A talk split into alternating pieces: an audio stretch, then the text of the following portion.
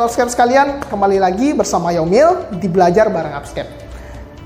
Pada kesempatan kali ini, sahabat Upscape sekalian, Yomil akan mengulas terkait dengan materi manajemen keperawatan yang sering keluar saat UKOM. Pada kesempatan kali ini, Yomil akan bahas terkait dengan tiga konten materi manajemen keperawatan yang sering keluar saat UKOM. Di antaranya adalah tipe kepemimpinan, metode asuhan keperawatan, dan tingkat ketergantungan pasien.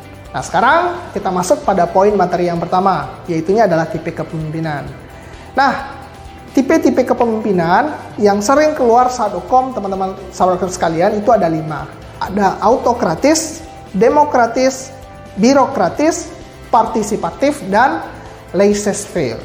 Nah, untuk membedakan kelima jenis tipe kepemimpinan ini, cara simpelnya, uh, Yumil akan jelaskan kepada sahabat sekalian.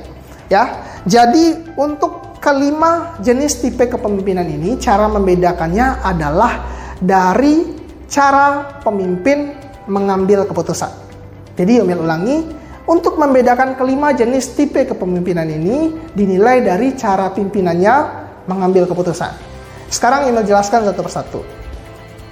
Jadi salah satu jenis tipe kepemimpinan ini ada yang disebut sebagai autokratis. Ya, ada tipe kepemimpinan autokratis. Pada tipe kepemimpinan jenis autokratis ini, pada tipe kepemimpinan jenis autokratis ini, semua kebijakan atau semua keputusan itu berada di tangan pimpinan.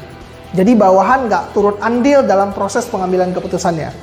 Dia cuma nurut aja, bawahan cuma nurut saja apa yang dihasilkan atau apa keputusan dari pimpinan. Ya, itulah autokratis. Semua keputusan berasal dari pimpinan. Lawan dari autokratis yaitu adalah demokratis.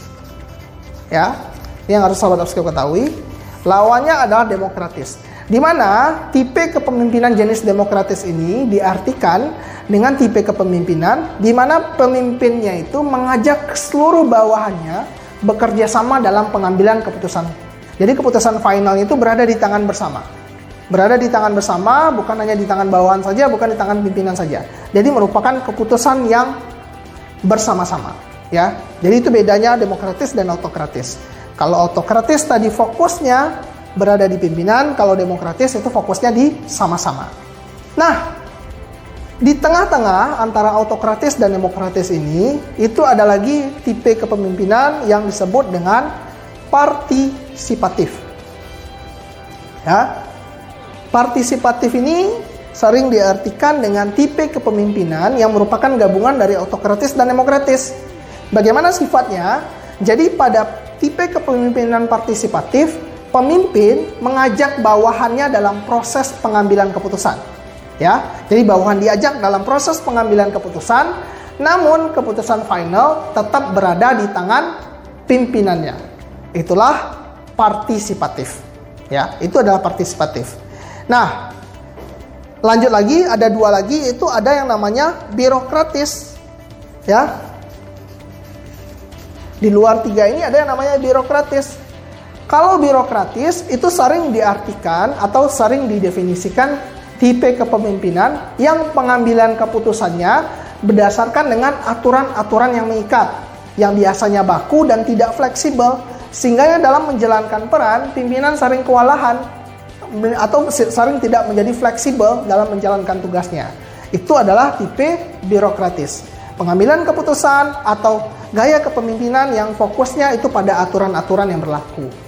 Dan lawannya lagi itu adalah laissez-faire.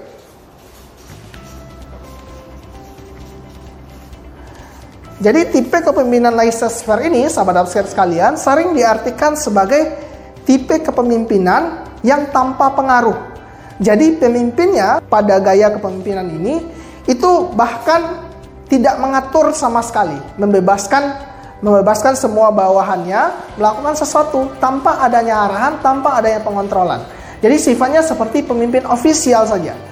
Pimpinan sifatnya hanya, hanya sebagai fasilitator dan bawahannya bisa melakukan banyak hal atau mengambil keputusan sendiri tanpa adanya arahan, tanpa adanya kontrol dari pimpinan tersebut. Ini merupakan lawan dari birokratis.